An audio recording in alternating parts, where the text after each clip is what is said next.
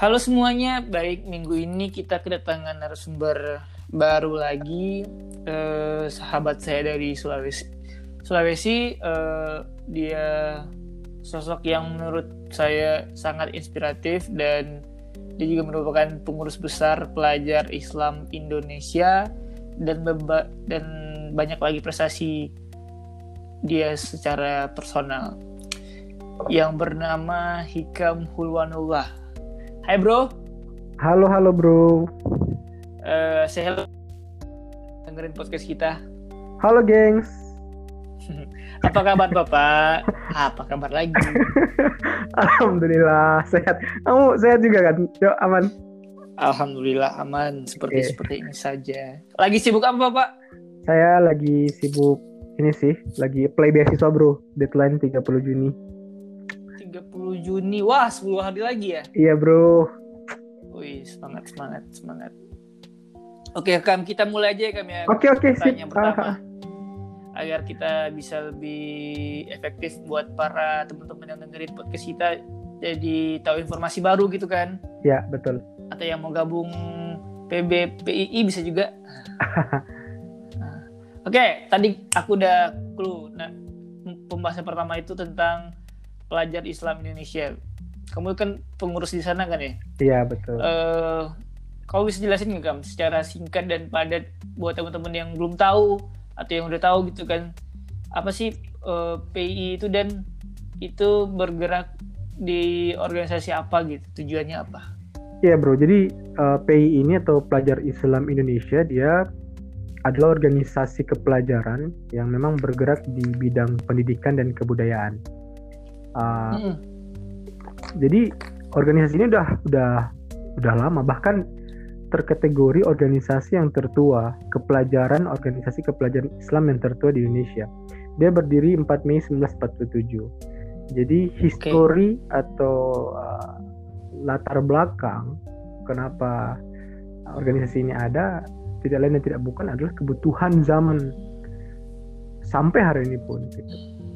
salah satunya adalah ketika Indonesia mulai merintis kemerdekaan itu 1947 uh, beberapa problem di berbagai sektor uh, muncul gitu sebagai dinamika dalam perkembangan zaman. Salah satunya di dunia sektor pendidikan. Zaman dulu itu um, pelajar bergontok-gontokan. Jadi ada kaum pelajar di pesantren dan ada kelompok-kelompok pelajar yang bersekolah di sekolah umum atau sekolah uh, rintisan Belanda gitu Nah, dua dua Hmm. kubu pelajar ini saling bergontokan gitu, saling saling menghujat satu sama lain atau saling saling uh, mengklaim negatif satu sama lain. Kayak misalnya uh, kelompok santri yang mengatakan kalau pelajar-pelajar yang bersekolah di sekolah rintisan Belanda yang menggunakan papan, meja, kursi itu adalah pelajar-pelajar yang uh, liberal, kemudian uh, sekuler, kafir dan sebagainya. Begitupun dengan kelompok-kelompok pelajar yang bersekolah di sekolah rintisan Belanda itu mengklaim negatif pelajar-pelajar yang bersekolah di sekolah-sekolah tradisional seperti pesantren. Jadi klaimnya mereka adalah uh, santri itu adalah uh, pelajar yang kolot, kemudian tidak uh, paham zaman, tertutup, eksklusif, eksklusif dan sebagainya. Ini kemudian membuat dunia pelajar zaman itu tidak sehat. Akhirnya Yusdi Ghazali sebagai founding father dia merenungkan hal ini dan mencetuskan sebuah konsep gerakan yang uh, mempersatukan pelajar waktu itu dari perpecahan dan uh, pengsekte-sektean pelajar. Salah satunya seperti itu, bro. Hmm, Oke oke. Kamu kalau boleh tahu di pengurus besar pelajar Islam Indonesia ini bagian apa pak? Aku di bagian hubungan luar negeri, Departemen Hubungan Luar Negeri. Kepala kan ya? Ya, reshuffle Kepala departemen. Oh, Oke oke. Itu kalau boleh tahu pak, itu di hubungan luar negeri ini tugasnya, eh, maksudnya job desk-nya itu apa aja? Jadi jawabnya apa aja? jadi memang kita organisasi yang uh, punya eselon. Uh, eselon terkecil itu adalah komisariat. Komisariat kita ada di sekolah-sekolah menengah atas, ada juga di perguruan tinggi, dan di tingkat atasnya itu, di atasnya ada pengurus daerah tingkat kota kabupaten. Di atasnya lagi tingkat wilayah dan uh, uh, yang tertinggi eselonnya adalah pengurus besar. Sama, saya rasa sama seperti organisasi yang lain pada umumnya juga. kita juga punya organi apa cabang khusus atau PWK namanya pengurus wilayah khusus di luar negeri kayak Mesir, uh, Pakistan dan sebagainya. Nah, saya sendiri di hubungan luar negeri memang prospek kerjanya sesuai dengan uh, pola kebijakan umum.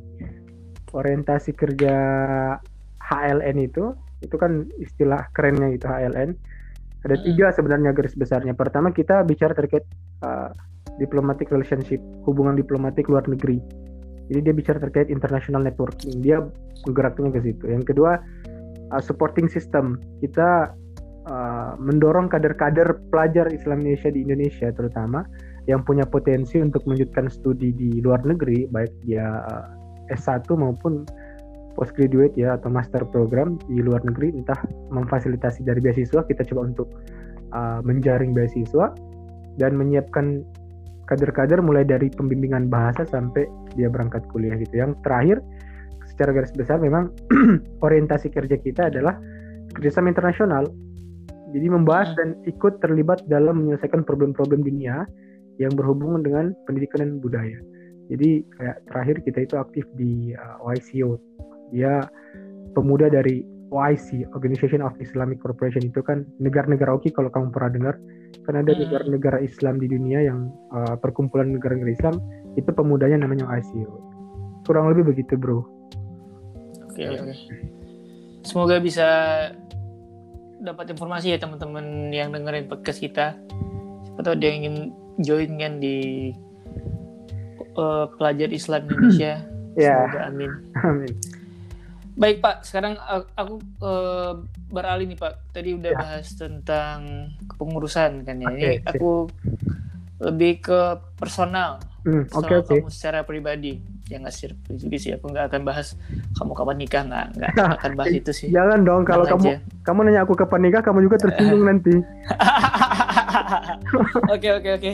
Next next. Okay. Kita kan kamu uh, yang aku tahu nih kan ya kamu okay. kandidat master di luar negeri aku nggak mau sebut di inter kamu aja yang ngasih tahu teman-teman okay. itu kamu uh, kandidat master di mana hukum tuh pasti kan itu di mana dan kenapa kamu milihnya di sana hmm, oke okay. jadi aku jawab yang kenapa di sana dulu ya jadi kita kan se sebenarnya punya orientasi berbeda-beda baik dia bicara terkait kualitas pendidikan baik terkait terkait negara impian, baik terkait situasi yang kita inginkan dan lain sebagainya. Kalau saya sendiri argumentasi saya memilih di tempat saya ini yang nanti saya akan jelaskan itu yang pertama adalah uh, secara geografi, secara jauh atau letak dia tidak terlalu jauh dari Indonesia. Australia, bro. Oke. Okay. Itu pertama. yang kedua memang uh, kita pasti secara ideal akan bicara terkait kualitas pendidikan. Uh, Australia merupakan salah satu negara maju yang kualitas pendidikannya diakui di dunia. Terbukti dengan beberapa perguruan tinggi di sana masuk dalam 100 ranking uh, perguruan tinggi terbaik di dunia. Makanya kemarin bro sebelum corona itu gua apa saya apply itu beberapa perguruan tinggi kayak Melbourne, kemudian Monash University, ada Adelaide juga, uh, ada Anu juga. Dan alhamdulillah offering yang keluar itu kemarin uh, Monash University. Jadi atau LOE-nya diterima lah Makanya insya Allah nanti saya akan lanjut di periode 2021 awal Monash University. Program Master of Law insya Allah amin. Doakan bro. Amin amin amin. Itu kalau boleh tahu nanti fokus itu ke ke mana pak? Gimana? Fokusnya ke mana? Maksudnya eh, tata negara apa, ya, apa gimana gitu karena S1 saya kan memang konsentrasinya ke tata negara saya ngambilnya itu linear karena ya kamu tahu lah bro uh, memang kan aku rencana ke dunia akademik pertama jenjang karir hmm. aku targetnya jadi kalau bicara terkait dunia akademik formalitasnya ya kita bicara formalitasnya adalah linearitas keilmuan Linear, yeah, yeah, yeah. linearitas gelar juga penting walaupun ya pada faktanya kita harus dituntut memahami berbagai macam hal juga. Tapi dalam dalam lingkup akademik kita harus mempunyai fokus keahlian yang itu secara jenjang uh, uh, jenjang uh, titel atau jenjang uh, gelar harus linear dari S1 S2 jadi ya S2 saya itu master hukum konsentrasi nanti saya akan ambil ke tata negara hukum tata negara. Itu ntar jadi dosen ya dosen hukum tata negara. Ya, amin. Amin amin amin. Uh, tadi udah bahas terkait uh, apa namanya PP PP maaf maaf PII dan kamu juga sekarang jadi kandidat master. Kongres yeah. sekali teman saya ini sangat luar biasa. Iya luar biasa kamu lah. Enggak lah saya mah apa tuh ya. Yeah. Next kita bahas ini ya. Ini setelah ini kita agak bahas hal-hal serius kali pak. Oke okay, oke. Okay. Di, di, dikemas dengan santai agar teman-teman yang dengerin juga mudah paham kan nggak nggak bahasa bahasa yang kaku gitu kan. Aku santai apa ya? aku, aku santai ini nggak? Atau jangan-jangan aku nggak santai sorry sorry. Kebawaan kebawaan. Oke okay, oke okay. lebih relax lagi. Uh, yang aku tahu nih pak kamu kan juga udah pernah webinar nasional terkait polemik undang-undang covid uh, secara generalnya gitu kan ya? Ya. Ya dan aku juga aku nggak nggak terlibat di sana jadi nggak nggak tahu apa poin-poinnya gitu, gitu kan kasarnya. Ya. Dari hasil dialog tersebut apa yang menjadi poin penting dari pembahasannya Pak? Poin-poin penting yang bisa di uh, sedikit dibagi di podcast ini ntar teman-teman yang mau dengerin lengkapnya kan bisa langsung ke sana kan? Oke. okay, itu okay. di share lagi nggak ya? Ya, ya di ini kok kalau nggak salah di record di YouTube-nya Universitas Pancabudi Medan. Hmm, oke, okay. ntar teman-teman yang mau de mau dengerin versi lengkapnya bisa ke sana aja teman-teman ya. Iya, okay. iya, iya. Di sini poin-poinnya aja, Pak. Oke. Okay. Jadi uh, terkait tadi yang kamu tanyakan sebenarnya itu udah sekitar uh, sebelum ini sih sebelum sebelum Idul Fitri kemarin memang uh, saya bingung juga diundang karena biasanya kan kalau bicara terkait hukum atau terkait konflik, apalagi kalau yang ngadain adalah jurusan atau prodi hmm. program studi secara legal kan, secara lebih resmi, biasanya kan mengundang profesor atau mengundang uh, praktisi hukum gitu. Tapi yang diundang ini fresh graduate gitu, lulusan yang baru lulus gitu diundang. Tapi menarik karena uh, kajur atau kepala prodi di sana itu dia membuka pikiran bahwasanya hari ini memang kita butuhkan cara pandang dari kaum milenial. Jadi kaum milenial itu harus diberikan panggung untuk berekspresi baik dari pendapat maupun keahlian itu. Makanya ini sebenarnya panggung untuk teman-teman muda yang mau mengekspresikan pemahaman. Itu itu awalnya. Kalau bicara terkait substansi yang dibahas sebenarnya banyak bro. Kita kan ada panelis ya, ada beberapa juga. Banyak yang kita ya, bahas. Ya, Tapi ya. secara tidak secara secara umum generalnya umumnya adalah uh, kita agak kurang sepakat dengan undang-undang ini yang lahir dari Perpu. Jadi undang-undang yang terkenal dengan istilah undang-undang COVID ini secara redaktural nama saja itu sudah kontra dibahas dalam undang-undang itu. Undang-undang ini kan lebih bahas terkait uh, bantalan regulasi terkait kebijakan keuangan di tengah pandemi. Tapi secara nomenklatur kan undang-undang COVID berarti jelas dong umum yang harus dibahas terkait COVID. Tapi ini cuma bicara anggaran saja ya. ini saja sudah memicu atensi publik untuk berasumsi liar gitu. Apa hubungannya undang-undang COVID dengan isi yang di dalam? Belum lagi kalau kita lihat secara mendalam berbagai macam pasal yang sangat-sangat kontradiktif, kayak pasal terkait uh, kebal hukum, jadi tidak bisa dipidana, tidak bisa dituntut. Ada juga pasal yang berbicara tentang um, tidak ada batas uh, PDB, sehingga ketika tidak ada batas PDB itu membuka potensi kita untuk utang ke luar negeri lebih besar lagi gitu. Jadi kan biasanya biasanya di dalam konstitusi bahkan ada bahkan pembahasan kita itu sampai pada merujuk bahwasanya undang-undang ini inkonstitusional bertentangan dengan undang-undang dasar. Salah satu argumentasinya adalah kalau kita bicara tentang undang-undang dasar, bro, di undang-undang dasar itu membahas tentang anggaran atau APBN itu sistemnya periodik, dia setahun setahun sekali. Uh -uh. Tapi uh, dengan undang-undang COVID ini seakan-akan dia uh, dia mengikat tiga regulasi APBN dari tahun 2020 sampai 2022 anggar konstitusi. Makanya ya. Ya. salah satu hasil pembahasan kita ya sebelum kamu nanya ini aku aku udah mulai mengurai ke situ nih. Salah satu solusi yang kita tawarkan yang pertama adalah kita menawarkan untuk uh, ke depan memang perlu dipertimbangkan lagi. Jadi Bicara kebijakan secara teori pasti akan menuai pro dan kontra. Kebijakan yang tidak menuai pro dan kontra maka sebenarnya kebijakan itu bermasalah. Nah, pada posisi kali ini memang kebijakan terkait undang-undang COVID itu lebih dominan kontra. asumsi publik menilai lebih dominan kontra. Nah, dominasi argumentasi kontra ini kemudian harus betul-betul diperbaiki sebagai bahan evaluasi pemerintah ke depan dalam menerbitkan peraturan atau kebijakan di tengah keadaan yang mendesak atau berbahaya uh, uh, keadaan yang darurat seperti ini. Makanya uh, saya juga menawarkan solusinya adalah menawarkan uji materi. Jadi hmm. kita menguji substansi regulasinya dengan undang-undang dasar apakah betul-betul terjadi terjadi apa inkonstitusional dengan undang-undang atau enggak. Itu itu salah satu uh, solusi yang kita bahas gitu. Cukup menarik berarti ya pembahasannya. Aku terlalu kaku apa terlalu gimana? Udah, udah, bro. udah cukup ringan sih pak. Oke. Okay. Okay. Cukup paham. Okay, okay. Semoga teman-teman yang dengerin juga paham gitu kan. Jadi okay, okay. perlu ada diuji lagi kan agar hmm. lebih menyatu dengan regulasi-regulasi dengan peraturan yang lain dengan konstitusi kita kan. Ya, Sederhananya seperti itu. Oke Bapak. Ntar teman-teman yang mau komplitnya bisa di bisa di ditonton kan ya ditonton di YouTube-nya mana tadi Pak? Maaf. Mangga mang, saya juga nggak terlalu ingat tapi coba buka aja di YouTube Universitas Pancabudi Medan. Oh iya. Kalau di hukum kayaknya insya Allah ada. Oke oke. Soalnya kalau kita bahas panjang di sini akan ada perdebatan atau ada diskusi yang alat sekali Pak Bapak. jadi webinar nanti. Iya, jadi webinar ini kan. Ya udah, uh, kita lanjut nih Pak. Tadi, okay, okay. Berarti kamu udah pernah webinar nasional dan pasti saya yakin juga udah punya pengalaman mendirikan sebuah komunitas kali ya. Hmm, iya iya iya. Iya, ya kan?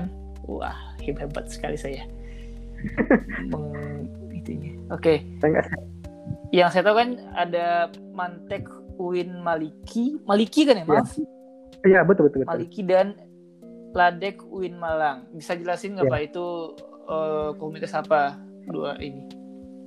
Sebenarnya kalau kita bicara Mantek ya yang pertama, Mantek itu panjangnya itu FKD Mantek, singkatan dari Forum Komunikasi Diskusi Mahasiswa Intelektual. Jadi memang um, namanya pemuda bro, dia overpower. Pemuda itu kan sebenarnya overpower ya, kekuatannya berlebihan gitu, kekuatannya mubazir. Makanya kekuatan yang berlebihan itu biasanya mengarahkan pada cara berpikir yang ideal. Jadi memang awal mula ini tahun 2016 ya, insya Allah kalau nggak salah 2016 itu uh, kita mencoba untuk melawan kebudayaan atau sebuah kultur di perguruan tinggi yang dominan politik. Makanya kita menamai gerakan kita sebenarnya adalah gerakan kultural. Jadi gerakan yang uh, berbasis pada literasi. Kita memperkuat memperkuat wacana, memperkuat pemahaman dengan gerakan-gerakan kultural. Karena ketika kita memperhatikan hari ini kampus seakan-akan menjadi laboratorium politik.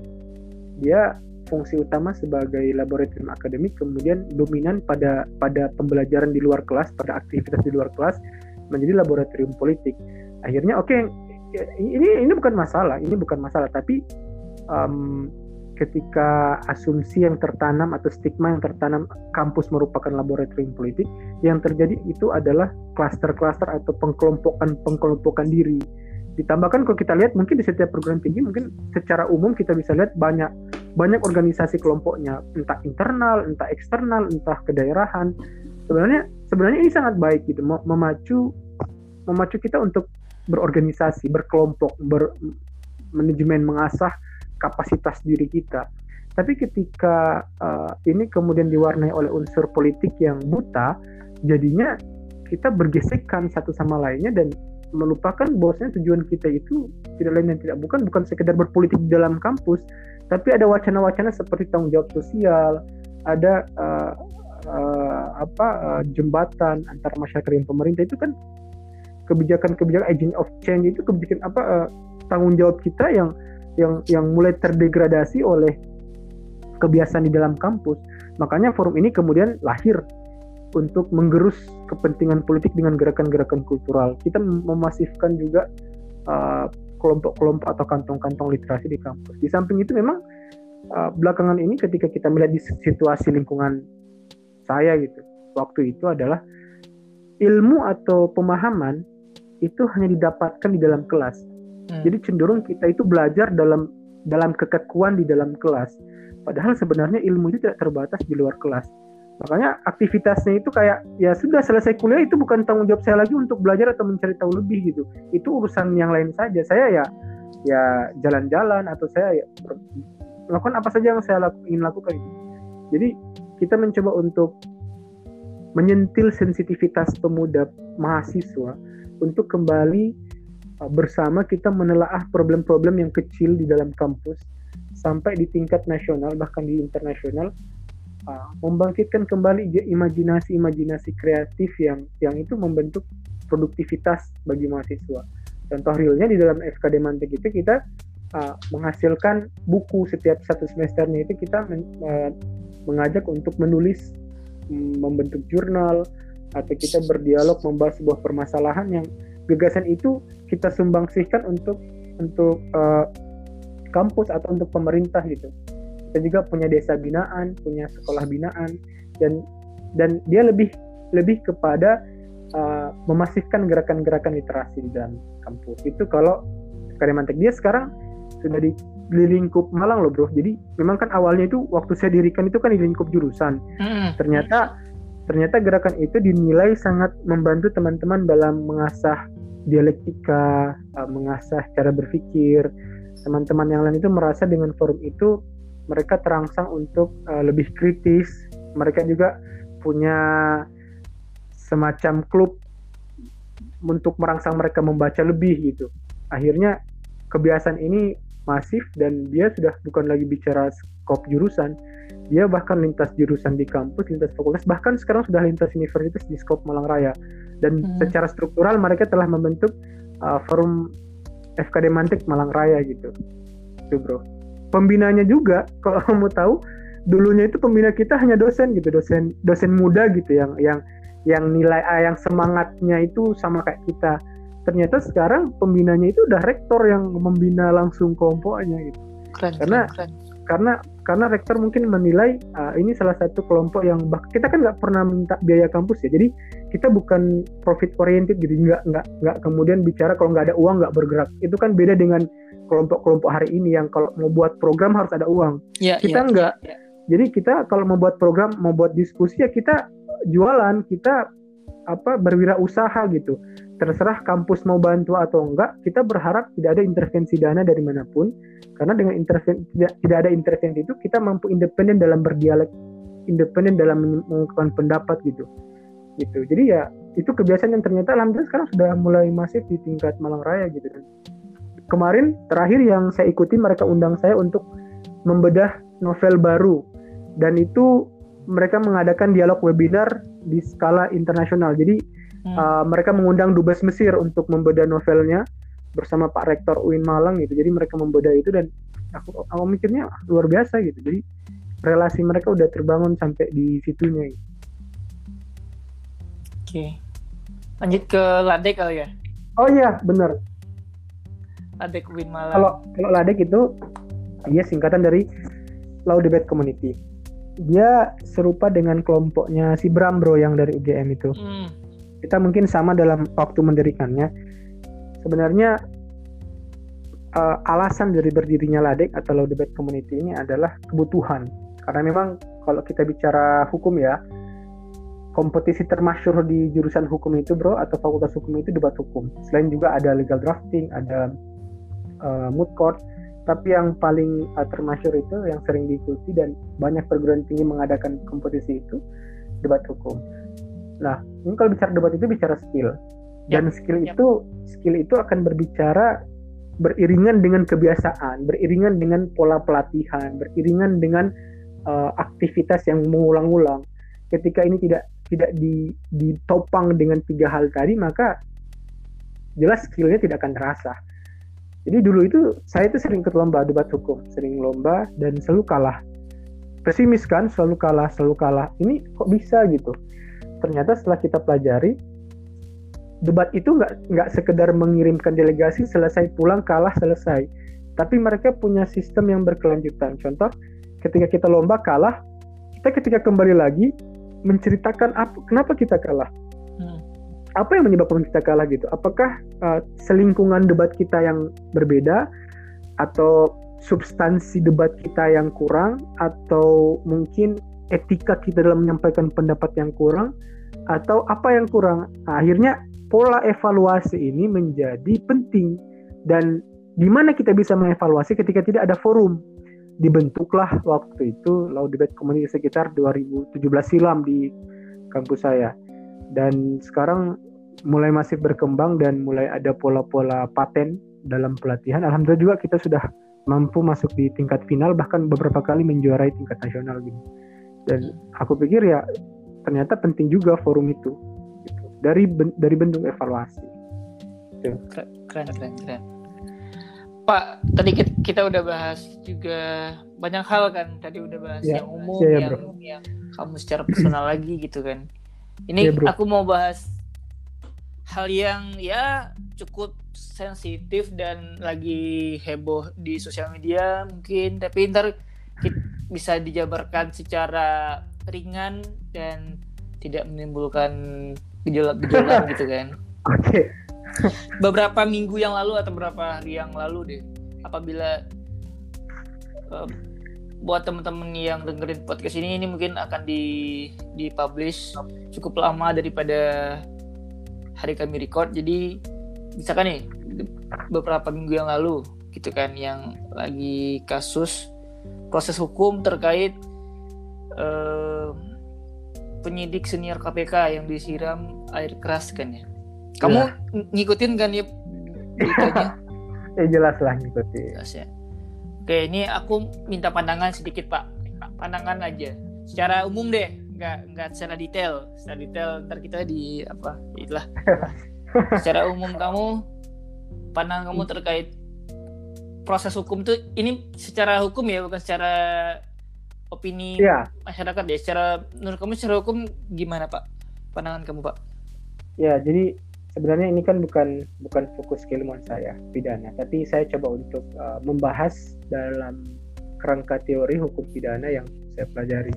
Jadi jelas uh, tuntutan satu tahun itu menjadi polemik. Itu kan yang menjadi polemiknya karena iya, alasan ya, niat ketidaksengajaan. Nah, secara redaktural ya, saya coba untuk membahas secara redaktural dulu. Secara nomenklatur penggunaan bahasa dalam konstruk pidana, ketidaksengajaan itu tidak ada dalam pidana. Yang ada itu hanya kesengajaan atau kelalaian. Mm-hmm. Makanya kalau kita bicara pidana kan dia bicara terkait konstruk awalnya itu kita akan bicara terkait uh, actus reus dan mens rea atau perbuatan melawan hukum actus reus itu dan mens rea niat. Masalahnya uh, kalau bicara terkait niat tidak disengaja ini agak uh, menggelitik makanya kan kalau kita lihat beberapa videonya Novel Baswedan tolong uh, mahasiswa hukum mengajari. Ini kan sebenarnya dia menggunakan uh, majas yang sebenarnya ingin cobalah dikritik gitu. Mahasiswa di, mengkritik uh, argumentasi hukum ini gitu. Yep. jadi jadi memang kalau kita bandingkan juga bro ini kan kita membandingkan ya. Contoh misalnya kasus uh, pelajar yang mencuri sandal di di apa Palu. Kalau kamu sempat pernah dengar itu mencuri hmm. sandal jepit, itu jaksa itu mendakwanya lima tahun loh bro, karena dia menggunakan argumentasi 362 KUHP pasal 362 KUHP. Hmm. Itu mencuri sandal jepit lima tahun dakwaan dari jaksa gitu teman.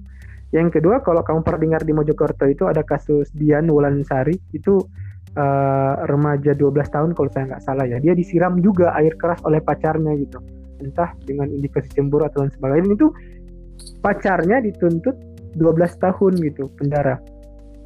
Pacarnya dituntut 12 tahun penjara.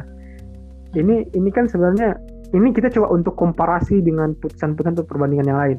Ada juga kalau yang lebih miris lagi kita lihat kasusnya nenek Arsan Ars, Arsan Arsyani apa Arsyani saya lupa itu. Situ Bondo kalau kamu pernah dengar itu di situ Bondo.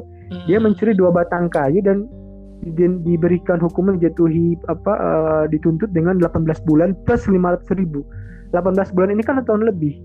Nah ini ini dalam dalam keadaan Novel Baswedan yang dia merupakan juga uh, penyidik ya yep. KPK segala macam dan dia hanya dituntut satu tahun. Ini mungkin yang menjadi kegelisahan publik dalam menilai ketidakadilan. Yang pertama begini bro. Gustav Redbach di dalam teorinya uh, tujuan hukum seluruh pengadilan di dunia itu pasti bermuara pada tiga. Yang pertama adalah kepastian hukum, yang kedua adalah keadilan, dan yang ketiga adalah kemanfaatan. teman-teman hukum pasti uh, akan mendapatkan itu secara secara langsung kalau kita belajar uh, pengantar ilmu hukum. Jadi yang pertama itu adalah kepastian hukum. Kenapa kepastian hukum menjadi yang pertama? Kenapa tidak keadilan? Ini menjadi perdebatan. Secara uh, secara teori ini menjadi perdebatan. Kenapa bukan keadilan yang diutamakan, tapi kepastian hukum yang diutamakan? Ternyata argumentasinya adalah ketika kita bicara terkait yang paling utama adalah keadilan, maka keadilan seperti apa yang kemudian menjadi menjadi uh, menjadi sebuah objektivitas. Karena lagi-lagi kalau bicara keadilan dia jatuhnya relatif. Keadilan menurut A, menurut B, menurut C pasti berbeda. Jangankan jangankan itu, Bro. Di dalam setiap putusan pengadilan pasti ada yang merasa tidak diadili. Kamu coba lihat saja, di mana pun ketika diputus sekalipun misalnya dia mencuri apa atau melakukan tindak kriminal apa, ketika diputuskan bersalah pasti dia akan merasa tidak adil gitu, karena itu itu itu namanya uh, uh, subjektivitas dalam penilaian. Maka secara teori keadaan ini kemudian bingung yang mana kemudian adil ini yang mana kalau begitu. Kita harus memuaskan yang mana untuk dikatakan adil. Lahirlah paham positivisme hukum yep. jadi keadilan keadilan itu kemudian diakomodir dalam setiap regulasi yang ada dituliskan dalam setiap regulasi. Maka apa yang tertuang dalam peraturan perundang-undangan maka itulah keadilan. Makanya ya kalau kita bicara terkait keadilan secara kepastian hukum sudah adil. Tapi prakteknya memang menciderai asas keadilan itu. Jadi kalau kita bisa bicara bicara terkait hukum progresif buku hukum progresifnya Sacipto Harjo dia katakan kalau ada peraturan perundang-undangan atau ada regulasi yang uh, mengkerdilkan atau mereduksi keadilan maka tinggalkan regulasi itu dan pilihlah keadilan karena pada praktiknya hari ini malah keadilan sangat timpang dengan kepastian hukum gitu. Jadi secara secara hukum seperti itu bro. Saya nilainya memang um, terkait dia uh, nanti ini kan ini kan nanti uh, kita lihat bagaimana hakim uh, memutuskan itu kan nanti gitu. Karena hakim dan hukum itu yang memisahkan itu hanya interpretasi. Hakim hmm. sebagai tua of law, the law of the tua of law dia dia menjadi corong hukum maka yang membuat hukum dan hakim itu jauh adalah interpretasi. Semakin kerdil, semakin pendek interpretasi hakim, maka semakin jauh juga hukum yang akan diputuskan. Itu itu, bro. Oke, oke. Berarti ini uh, kisahnya keputusan hakimnya belum belum ada kali ya? Kita hmm. tunggu itu aja. Baik, Bapak. Itu ada pandangan lain guys di dalam kasus ini? Dalam proses hukum ini maksudnya? sebenarnya banyak pandangan. Jadi secara umum uh, aja, Pak. Secara umum. Iya. Makanya secara umum tadi kan aku udah gambarin seperti itu. Hmm. Tapi uh, nanti tinggal bagaimana proses selanjutnya itu. Jangan sampai lembaga pengadilan kemudian tercemar atau dinilai masyarakat tidak menghadirkan keadilan. Karena yeah, kan iya. narasi-narasi yang disampaikan Novel Baswedan hari ini kan seakan-akan tidak mempercayai. Sudahlah, nggak usah dipikirkan nggak usah dipikirkan apa dibebaskan saja gitu kan narasi novel Baswedan terakhir yang yang saya baca gitu. Nggak usahlah dipenjarakan yang dua orang itu gitu. Karena percuma juga yang dibutuhkan itu kan otaknya kenapa sampai seperti itu?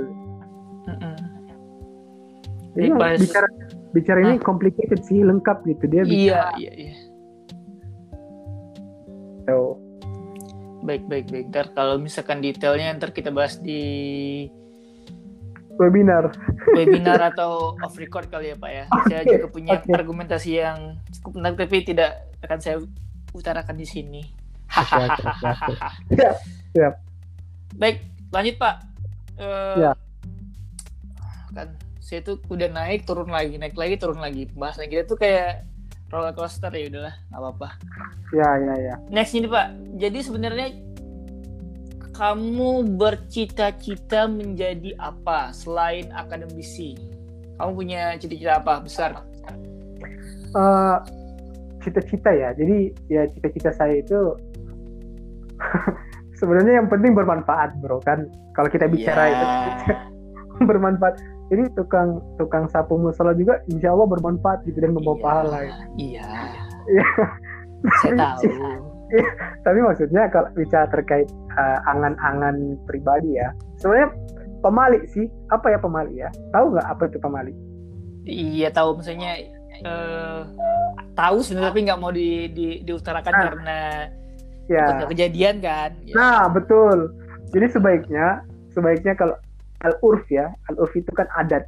Yeah. al adatul mahakamah jadi kebiasaan atau budaya itu biasanya bilang di budaya di budaya bagian sini lah. Sebaiknya kalau punya angan-angan jangan dulu diceritakan gitu. Karena hmm. biasanya nggak akan kejadian gitu. Siap, takutnya siap. mendahului. Tapi ya karena kamu udah tahu tadi ke akademisi ya narasinya awal gitu ya ya mungkin itu dulu yang tahu itu. Iya oke okay, papa itu tetap bermanfaat untuk banyak orang kan ya betul. Khairunas khairunas anfa'ahum linas jadi sebaik-baik manusia adalah manusia yang bermanfaat untuk linas manusia yang lain. Siap siap siap. Pak Bapak ini kan berasal dari Sulawesi Utara kan ya kalau saya nggak salah? Betul betul betul. betul. Betul betul. Ini ya cukup santai ini pertanyaannya. Ya ya. Misalkan saya aku ke ke sana nih Pak Ah. Uh, kamu bisa ngasih rekomendasi nggak tiga makanan yang wajib di dicicipi di Sulawesi Utara?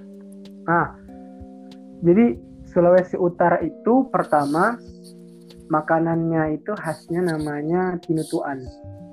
Jadi uh, tinutuan itu kayak bubur dan dia terkombinasi oleh berbagai macam bahan di situ ada jagung, ada sayur bayam, ada mie, ada nasinya dan itu sangat enak bagi orang yang mungkin mendengarkan penjelasan gabungan dari bahan-bahan yang aneh tadi. Bagaimana bisa mie gabung sama nasi, sama jagung, sama bayam? Jadi kan kayak bermacam-macam pemikirannya. Tapi ketika kita udah rasa, enak rasanya. Dan ya aku belum pernah sih dengar teman yang dari daerah lain pas ngerasain gak enak gitu. Oke, yang ya, kedua, Pak. Yang kedua itu karena Sulawesi Utara kan memang masyarakatnya cenderung menyukai makanan laut kayak yep. ikan. Mm. Sangat recommended banget kalau kamu datang ke daerah saya itu mencoba dabu-dabu atau sambal, sambal sambalnya Manado. Itu kan dabu-dabu itu sambal Manado. Jadi dia kayak cabe, tomat, bawang yang di yang yang ya nggak ya apa-apain dipotong-potong aja terus ditambahin uh, minyak panas, ditambahin lemon, jadi seger banget gitu. Uh, bayangin aja udah Iya. Laper saya pak, laper. Di, ditambah ditambah dengan ikan yang dibakar itu ciri khas banget di daerah saya gitu. Ikan yang hmm. dibakar ikan tuna gitu. Cakalang sih kalau di daerah saya, tapi kalau di di ini kayaknya tuna namanya. Jadi dibakar terus atau enggak ikan-ikan laut tuh. Biasanya sering banget itu di kan mana di Sulut itu di, saya kan di Manado nih di pinggir pantai. Ya, ya, Jadi ya. Hmm. Di jalan di sepanjang jalan itu rumah makan ikan bakar sama ikan laut, kepiting, wah pokoknya dan sambalnya itu yang apa memang top gitu. Siap, yang siap, ketiga siap. apa ya? Yang ketiga, oh iya, yang ketiga itu nasi kuning, bro. Nasi Jadi, kuning mana do? Ini nah, maaf, maaf, maaf, Jadi, maaf, saya, saya potong, saya potong. Nah, saya gambar nasi kuning yang saya tahu kan di sini juga ada nasi kuning kan ya warnanya kuning pak? Atau nah, di sana ada ciri khas lain? Silakan jelaskan. Nah makanya. Jadi sebenarnya karena namanya nasi kuning nggak mungkin warnanya kan ungu gitu. Jadi karena, karena nasi kuning jelas umumnya sama dengan daerah-daerah yang lain. Di Jawa pun sama gitu. Tapi ada ciri khas khusus nasi kuning di Manado. Apa bro? Kamu kalau ngerasain nasi kuning di Manado itu kayak dia punya format gitu tahu nggak format?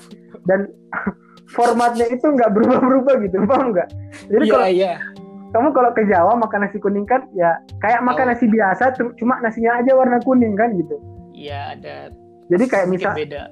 ya jadi kalau ya nggak tahu ya kalau di Sumatera tapi kalau di Jawa itu misalnya nasi kuning ya dia ada ayam ada kentang ada apa tempe. Ya, ya, ya intinya dia kayak makan seperti nasi putih cuma nasinya aja warna kuning gitu tapi kalau di daerah saya itu ada formatnya, ada format bakunya nasi kuning. Kayak iya, dia ada formatnya kayak misalnya sesuatu yang disebut nasi kuning di daerah saya dia harus punya abon ikan. Itu wajib. Okay, ada unsur, okay. ada format unsurnya wajib, ada yang uh, sunnah. Jadi dia kreasi gitu. iya. Okay. Jadi ada nasi nasi kuning di tempatnya ada hukumnya. Pertama misalnya ada abon ikan gitu jadi abon abon ikan ikan tuna itu wajib. Kalau nggak ada berarti bukan nasi kuning. Yang kedua dia ada bihun itu wajib. Okay. Bihun wajib. yang ketiga itu dia ada cabe cabenya itu ciri khasnya sama nggak berbeda-beda di satu daerah di daerah yang lain yang aku rasain yang ketiga itu ada keripik keripiknya itu kentang atau enggak ubi Mm-mm. nah itu empat unsur wajib dalam dalam format nasi kuning Manado. Selebihnya itu selebihnya itu format kreasi. Kayak misalnya ditambahin tempe orak arik ditambahin ditambahin rendang ada.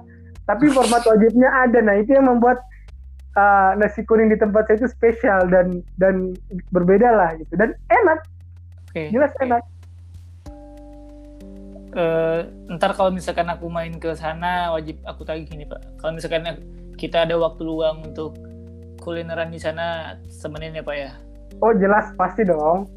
Yang penting kamu nggak bawa pacar gitu atau nggak bawa pasangan gitu kan biar biayanya nggak bengkak gitu. Iya iya benar benar benar. Wah saya baru tahu loh ada makanan pakai format loh ya udahlah oh lanjut. iya. Oke lanjut. Tapi lucu lucu lucu. Eh, apa namanya? Tadi udah bahas juga terkait makanan kan ya. Cukup ringan kan pak? Nah jadi ro- roller coaster podcast kita pak ada yang serius ada yang ringan-ringan aja buat teman-teman yang mau ke Manado Sulawesi Utara bener kan ya iya Sulawesi Utara bisa direkomendasiin makanan di sana jadi baik di mana deh Ah, Hmm. ah, lanjut aja lanjut lanjut aja gimana gimana Ah, lanjut aja Pak. Oh, jadi di di Manado itu bro terkenal dengan istilah 3B. Aku sebenarnya juga kaget kok, tapi selalu kalau orang bilang pasti terkenal 3B. Apaan Pertama pertama bubur Manado tadi kan bubur Manado Tinutuan. Mm-mm. Yang kedua itu tempat wisata favorit Bunaken bro. oke Dia taman laut di bawah air, di bawah pantai, di bawah laut. Dan yang ketiga itu bibir Manado. Aku nggak tahu itu, tapi selalu menjadi kayak kayak iklan gitu ke mana-mana kalau anak Manado, orang Manado atau orang Sud terkenal dengan 3B, bubur Manado, Bunaken, bibir Manado. I don't know. Maksudnya yang ketiga itu nggak paham juga ya, tapi kayaknya maksudnya menggambarkan kalau daerah Manado itu cakep-cakep bro. Kayak saya gini kan. Hmm, menarik menarik menarik Ketawa dong. Aduh parah. menarik menarik Se- kita udah mau di ujung podcast masalahnya pak saya kalau misalkan saya bahas lagi makanan ini kita jadi podcast makanan soalnya podcast ini kita minimalisir se-efektif mungkin kan Oke. Eh, mohon maaf aja kalau misalkan saya potong-potong ya pak ya. Maaf sekali pak. Apa apa kan? Sorry ya. Siap, siap. Oke, Oke kita udah ke penghujung podcast kita pak. Ada nggak hal yang belum aku tanyain pak tapi mau eh, bapak bahas di podcast ini secara singkat ya secara umum buat teman-teman yang dengerin? Iya, jadi ini kan kebetulan tanggal 20 oh bukan, tanggal 28 kalau nggak salah. 28 Juni itu aku diundang untuk dialog di UIN Banjarmasin, Kalimantan Selatan. Itu diminta bahas terkait ini kontroversi RUU HIP, Tahu kan? Yap. bukan hip hop ya, RUU ya HIP ya oke rancangan undang-undang haluan ideologi Pancasila yang sebenarnya dia uh, apa uh, cukup kontroversi juga di- di- dibanding uh, kasus Novel Baswedan gitu yang hari ini. Jadi nggak entah entah kenapa hari ini banyak banget problem regulasi atau problem hukum yang menjadi isu-isu hangat gitu. Mungkin teman-teman yang punya waktu, yang punya kesempatan kita diskusi dialog di sana gitu, ramai di sana. Jadi undang-undang RUU HIP, ini atau haluan ideologi Pancasila itu yang sebenarnya bro yang menjadi dia kenapa jadi kontroversi ada beberapa hal sih yang menyebabkan dia kontroversi tapi yang paling yang paling utama yang menyebabkan dia menjadi kontroversi itu adalah dia tidak ini RUU yang tidak mencantumkan tab MPRS nomor eh, 25 angka Romi 25 itu tab MPRS yang berbicara terkait PKI Ya, sementara kan sangat sensitif juga haluan ideologi Pancasila kalau kita lihat di beberapa pasal itu pasal 7 kalau nggak salah dia menjelaskan terkait ekasila yang dia terkistal menjadi uh, trisila yang terkistal menjadi ekasila gotong royong yang Hmm. yang in- yang yang sangat indikatif sekali lagi memicu wacana publik opini publik untuk bersuuzon kepada pemerintah gitu makanya uh, di dalam diskusi nanti kita akan coba untuk melihat dalam bentuk kajian hukum ketatanegaraan apakah benar-benar memang regulasi ini uh, tidak direkomendasikan untuk dilanjutkan untuk disahkan gitu karena kan memang sudah sudah di ini kan sudah dipending pembahasannya oleh pemerintah sesuai mm -hmm. pernyataannya Mahfud MD gitu. Yang kedua juga uh, eh, RU HIP ini atau haluan ideologi haluan ideologi Pancasila ini dia terindikasi downgrading Pancasila karena kalau kita bicara hukum kan ada namanya hierarki hukum tuh pasal uh, Undang-Undang Nomor 12 tahun 2011 tentang pedoman peraturan perundang-undangan kan kalau nggak salah di pasal 7-nya ayat 1 yep. dia menjelaskan bahwasanya ada hierarki hukum, ada sistematika susunan hukum dari tingkat tertinggi sampai terendah. Dan Pancasila ini menjadi sumber hukum. Kalau kita bicara terkait konsep uh, uh, teorinya Hans Kelsen dan Hans Nevsky di dalam bukunya itu, dia menjelaskan kalau ada norms namanya dan di bawahnya itu ada norms, norms, norms, norms. Atau kalau Hans Kelsen itu dia menjelaskan stat fundamental norms, kemudian di bawahnya itu ada norma-norma di bawahnya. Nah, Pancasila ini menjadi sumber hukum dan ketika dia menjadi sumber hukum dan dia tertera di dalam Pancasila di dalam konstitusi Undang-Undang Dasar sebagai hukum tertinggi, maka dia akan membuat persilangan regulasi atau persilangan hierarki yang dari atas dia menjadi undang-undang kan dari undang-undang sampai MPR kemudian dia turun ke undang-undang atau Perpu dia sebenarnya kan jadi sumber dan dia terletak di undang-undang dasar sebagai hukum tertinggi. Tapi ketika dia dibuat menjadi undang-undang, maka dia akan turun. Jadi ya. ada hibridasi hierarki hukum di situ. Persilangan yang membuat banyak kalangan tidak sepakat.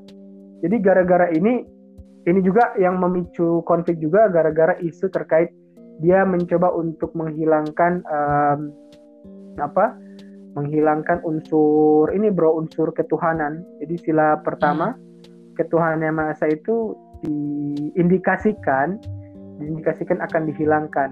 Eh sorry ya ketuhanan maha esa itu diindikasikan akan dihilangkan karena di pasal 7 RUU ini secara secara materi dia menjelaskan trisila itu satu dua dan yang terakhirnya dia menyebutkan ketuhanan yang berkebudayaan jadi ketuhanan dia sudah masukkan pada kategori yang terakhir, kemudian redaksinya berubah menjadi ketuhanan yang berkebudayaan.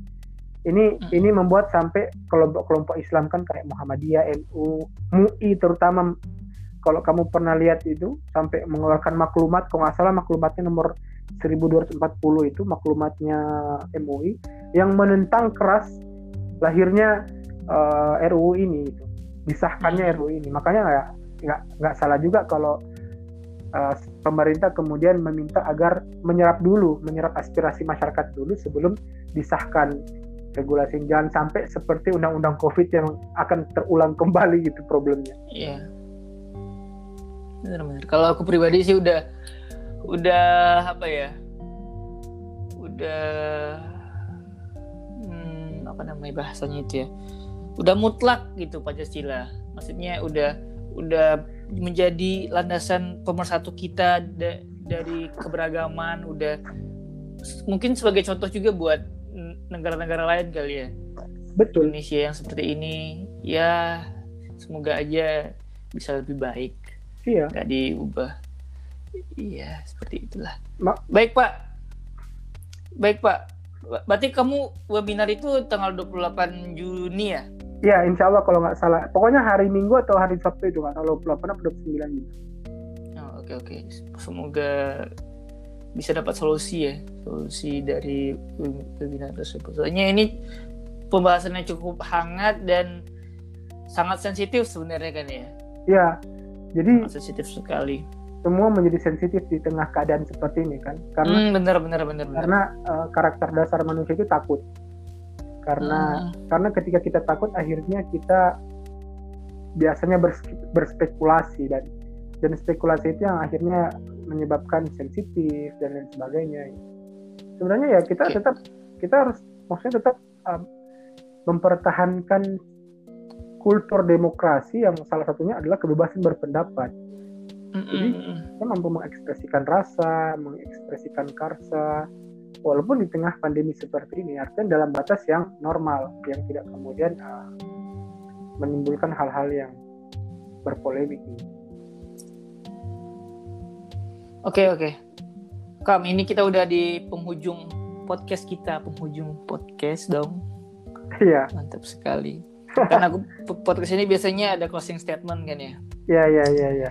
Baik, uh, kita langsung aja ke closing statement ya Pak ya. Closing statement dari sahabat saya yang uh, luar biasa Hikam Hulwanullah dipersilahkan. Closing statement dari saya itu dari setiap yang kita bicarakan ini ya, nggak tahu closingnya seperti, tapi aku mikirnya gini. Hmm. Uh, pandemi seperti ini adalah keadaan yang dikatakan darurat, oke? Okay? Hmm. Dikatakan mendesak, oke? Okay? Dikatakan uh, extraordinary atau keadaan luar biasa, oke? Okay? Nah, keadaan seperti ini kan adalah keadaan yang mungkin baru di dunia atau mungkin baru bagi negara-negara yang belum pernah mengalami uh, pandemi atau penyebaran seperti ini. Yang perlu kita lakukan adalah bukan kemudian terlalu menakuti.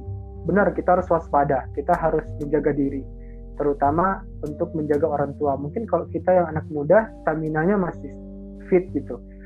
Tapi mm -hmm. orang tua kita atau orang di sekitar kita yang punya penyakit bawaan ini merupakan uh, peluang kegawatan selanjutnya tapi di tengah seperti ini bro maksudnya closing saya adalah mari kita terus berproduktif itu mari kita terus menghasilkan sesuatu mari mari kita terus uh, bekerja melakukan sesuatu semangat semangat baru berkreasi menemukan sebuah terobosan-terobosan entah uh, dengan dengan keadaan seperti ini kita mampu membaca buku lebih kita mampu menulis lebih atau dalam hal sederhana kita mampu memahami keadaan orang di sekitar kita kayak perasaan orang tua perasaan kakak, perasaan adik, kita lebih mengenal satu sama lain gitu. Jadi closing saya adalah jangan kemudian menjadikan keadaan ini menjadi keruh. Karena sekali lagi kita sebagai manusia, sebagai alat yang hidup dengan akal, sebagai benda yang hidup dengan akal, kita harus kemudian terus mengaktifkan nalar kita berpikir, menghasilkan karya produktif di tengah keadaan dan di tengah kondisi apa pun. Dan itu yang merupakan semangat dari Pancasila pemuda zaman dahulu itu. Oh, itu aja sih. Cocok nggak kira-kira jadi nyalon wali kota gitu? Cocok, cocok, cocok. saya dukung Pak, saya dukung Pak, saya dukung. Okay. Okay. Saya dukung, pasti okay. saya dukung. Aku, aku kira ada pertanyaan-pertanyaan kayak kemarin gitu yang lucu gitu. Aku enggak, enggak. Sekarang udah itu. Oke, okay. udah nggak menarik. Saya ya? kita Soalnya aku lihat lihat waktu juga soalnya pak. Oke oke betul lihat betul. Waktunya nggak biar nggak terlalu panjang kan. Oke okay, oke. Okay. teman-teman dengerin. Oke, makasih banget kan buat waktunya udah uh, menyempatkan waktu untuk ngobrol-ngobrol. Ngobrol ini nggak ada tema. Setiap podcast aku ini nggak nggak akan ada tema apa pun. Spesifiknya nggak ada. Kita bahas apa aja yang mau saya tanyakan, yang mau saya bahas dan uh, apa namanya di dibalut dengan kesantaian. Kadang serius kadang kadang kita bisa ketawa. Pokoknya semoga teman-teman ini eh, teman-teman yang dengan podcast kita bisa mendapatkan informasi baru bisa menginspirasi juga. Makasih banget ya Kem ya. Iya bro. Iya aku juga makasih. Sorry sorry bro. So sorry kalau misalkan ada kata-kata yang kurang sopan pak. Iya. Maaf. Sorry juga makasih. udah tiga kali record nih santai. Oh iya buat teman-teman yang tahu ini kami udah record yang ketiga kalinya ada kenalan. Jadi Aduh. ada hal-hal yang kayak saya udah tahu itu tapi ya udahlah karena buat teman-teman dengerin juga jadi buat informasi baru ya Pak ya. Iya betul. Niat niatnya untuk berbagi lah bro. Bener bener bener. Niatnya itu jangan dipelintir ya niatnya ya teman-teman ya. Siap. kayak kayak trauma kayak trauma mau disiram disinfektan. Eh kayak gitu aja pak. Saya cuma bilangnya diet diet awalnya dicatat ya jangan dipelintir gitu aja. Iya. Nggak nggak ada tambahan lain. Iya iya oke oke makasih buat teman-teman yang udah dengerin podcast kami. Maaf kalau misalkan ada uh, dari perkataan kami yang kurang sopan atau ada kesalahan kesalahan yang milik kami kesempurnaan yang milik Allah Subhanahu Wa Taala. Sip mantap uh, kami pamit undur diri sekali lagi makasih buat Hikam semoga kamu sukses kan amin, amin, amin, amin. semoga lancar studinya di sana amin, tahun amin. depan amin uh, semoga kita tetap bisa kontakkan dan saling support satu sama lain apa pun hasilnya ntar di masa depan ya. semoga untuk bangsa dan negara amin, amin. saya tunggu surat undangan nikah ya siap siap Oke, saya kami pamit. Makasih lagi kan jadinya kan ya udah. Dadah Hikam. Assalamualaikum. Oke, Waalaikumsalam warahmatullahi wabarakatuh.